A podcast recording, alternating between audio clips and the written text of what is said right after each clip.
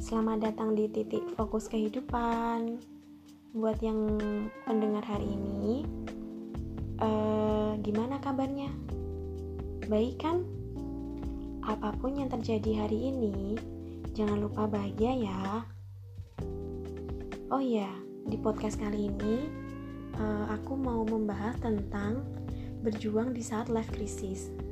Kalian pasti nggak asing dong dengan kata-kata life crisis dan kalian juga pasti uh, udah banyak banget dengerin podcast-podcast lainnya yang membahas tentang life crisis.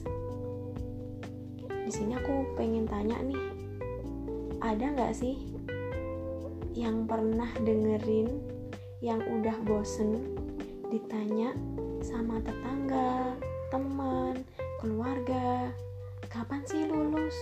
Kapan sih nikah? Kapan sih punya anak? Cepet nyusul ya. Pasti pernah dong. Pertanyaan-pertanyaan itu tuh simpel. Tapi nggak semua orang bisa menerima itu.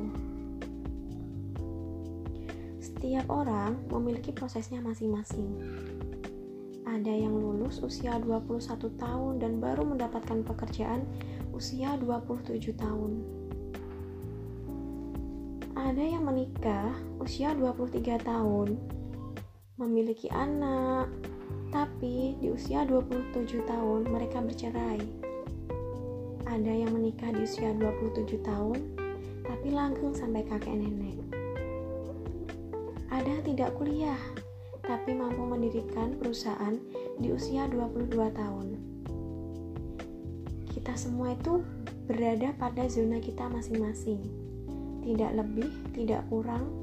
Setiap orang memiliki cobaannya masing-masing. Kalau ada yang tanya ke aku, aku berada di posisi mana sih? Aku bakal jawab ya. Aku berada di posisi life crisis, di mana aku sedang berjuang berdiri di atas duri. Mau mundur sakit, mau maju juga sakit. Sebenarnya mau maju ataupun mundur itu pilihan kita sendiri. Kita mundur kesakitan, tapi kita tidak mendapatkan apa-apa. Kita maju menerjang badai, sakit, tapi insya Allah bakal ada hasilnya. Pilihan kan? So, buat kalian-kalian semua, tentukan pilihan kalian juga ya. Karena kita menyerah itu juga sakit, tapi kita berjuang juga sakit. Bedanya terletak pada hasil yang akan kita tuai nanti. Oh ya, sebenarnya tuh ya, masalah itu datangnya itu dari diri kita sendiri loh. Dari pikiran. Kalian tahu nggak pikiran itu dari mana? Masalahnya dari omongan orang kalau kita mampu menepis omongan orang dengan berpura-pura bodoh amat lah, cueklah. Toh, kalau aku sukses, aku sendiri yang rasain, bukan mereka ataupun siapa pun. Mereka itu hanya viewer atau pendengar lah. Uh, jadi benar-benar kita lah yang rasain suka dukanya kehidupan kita sendiri.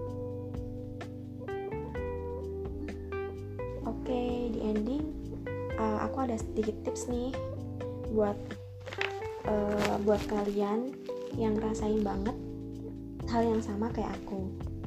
Yang pertama, banyakin berdoa. Semoga Tuhan memberikan kita kekuatan bukan untuk diringankan beban kita, tapi dikuatkan beban kita dan diberi kelapangan dada. Yang kedua, cobalah pura-pura jadi orang yang bodoh amat. Bodoh amat lah ya mereka mau bilang apa. Cuek aja. Yang ketiga perbaiki diri. Insya Allah kok. Kalau kita memperbaiki diri dari segi agama dari segi pendidikan dari segi ekonomi semua akan kita tuai pada waktunya. Oke teman-teman cukup sekian dulu ya podcast aku kali ini.